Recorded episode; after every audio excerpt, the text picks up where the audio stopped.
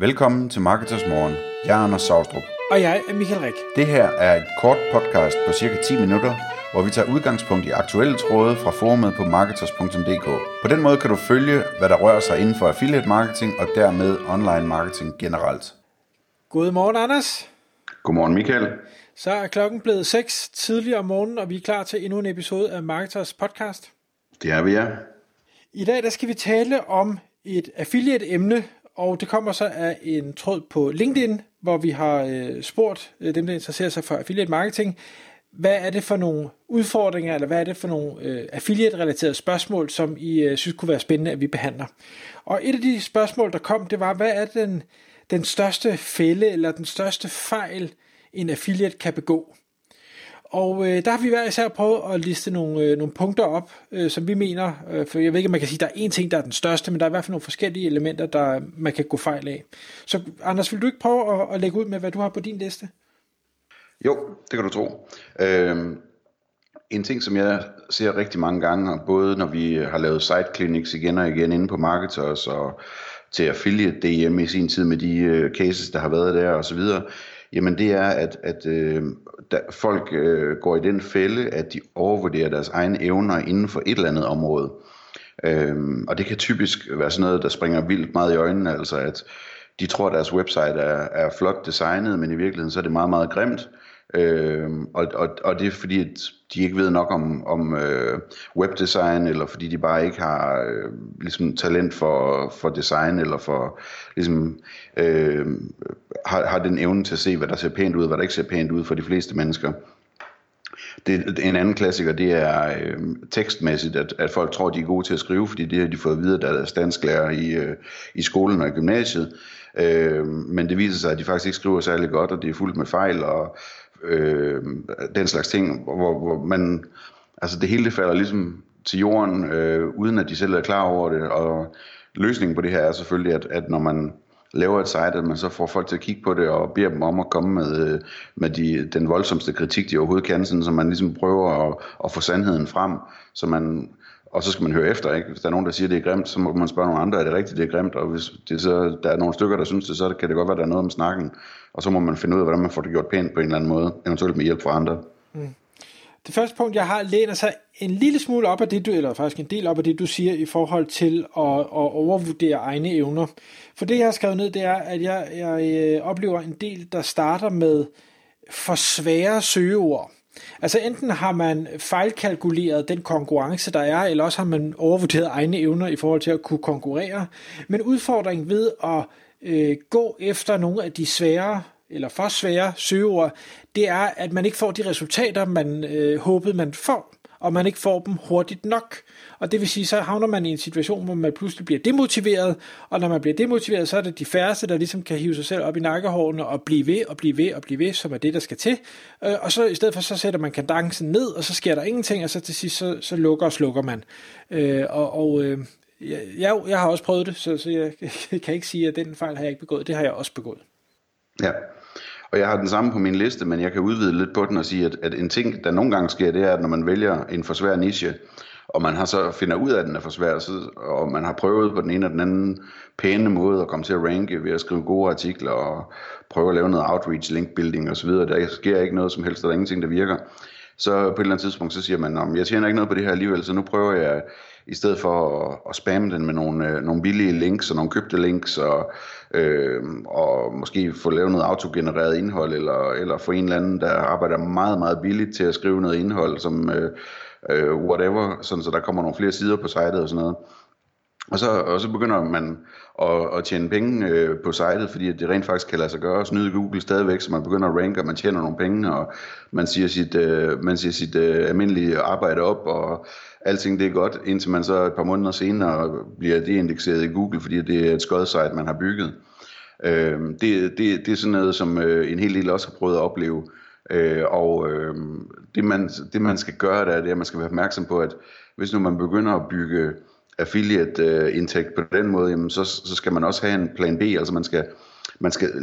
gøre det i en proces, hvor man ved, at på et eller andet tidspunkt, så falder hammeren for Google, og så skal man nærmest bare have en knap, man kan trykke på, og så bliver det der site øh, gengenereret i en anden version et andet sted, uden at man skal bruge en masse tid og penge på det en gang til.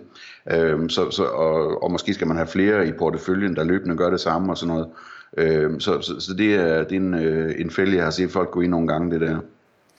Punkt nummer to, jeg har skrevet på, det øh, kommer så egentlig lidt af øh, nogle af de øh, tidligere podcasts, hvis man har lyttet med her de sidste to-tre uger, øh, hvor jeg havde Ole Gregersen fra Optuner i studiet. Det er konverteringsoptimering. Og igen er det en fejl, jeg selv har begået, det er ikke at lægge nok fokus på konverteringsoptimering. Der er rigtig meget fokus på at skrive øh, nyt indhold og keyword-analyser og øh, linkbuilding og ting og så at trække mere og mere trafik ind, men meget, meget lidt fokus på faktisk at optimere, hvordan den her trafik den konverterer. Og i bund og grund så er det jo konverteringen, der øh, giver afkastet i sidste ende. Det er jo ikke det, der kommer trafik ind, det er, hvordan at den trafik bliver lavet om til penge, og det er konverteringsdelen. Og der, der kan jeg sige helt ærligt, jeg har simpelthen ikke brugt nok tid på øh, at analysere, at det her er sat godt nok op, øh, opsætte split-tests, hvor der har været trafik nok og den slags. Og det er fuldstændig vanvittigt, fordi det er jo det, der vil gøre, at jeg både leverer et bedre øh, resultat til den besøgende, fordi hvis de konverterer, så er det fordi, de har fundet det, de leder efter, men også fordi det er jo, det er jo, det er jo bundlinjen, og det er det, der gør, at jeg vil kunne konkurrere, og jeg vil kunne købe øh, flere links, eller jeg vil kunne købe flere tekster, eller jeg vil kunne få et bedre design. Så, så øh, det er en stor fejl, som jeg ser det.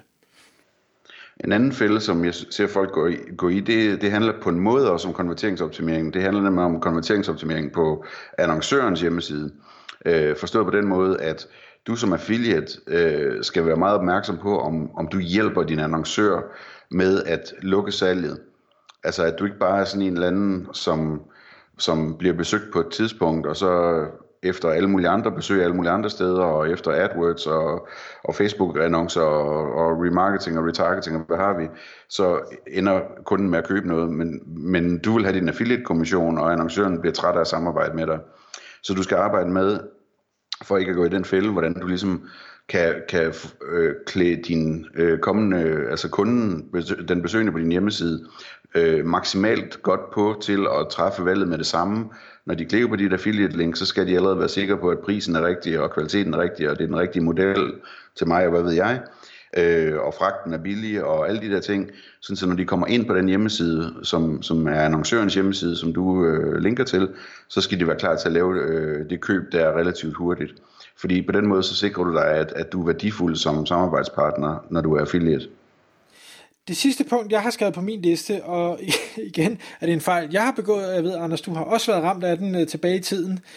det øh, handler om, hvordan man fokuserer og, og jeg er jo ellers en stor fortaler for, at man skal fokusere, fordi det, det kommer der det bedste resultat ud af. Men hvis man bygger en affiliate-forretning, hvor man fokuserer alt på en annoncør, altså en webshop, hvis produkter man promoverer,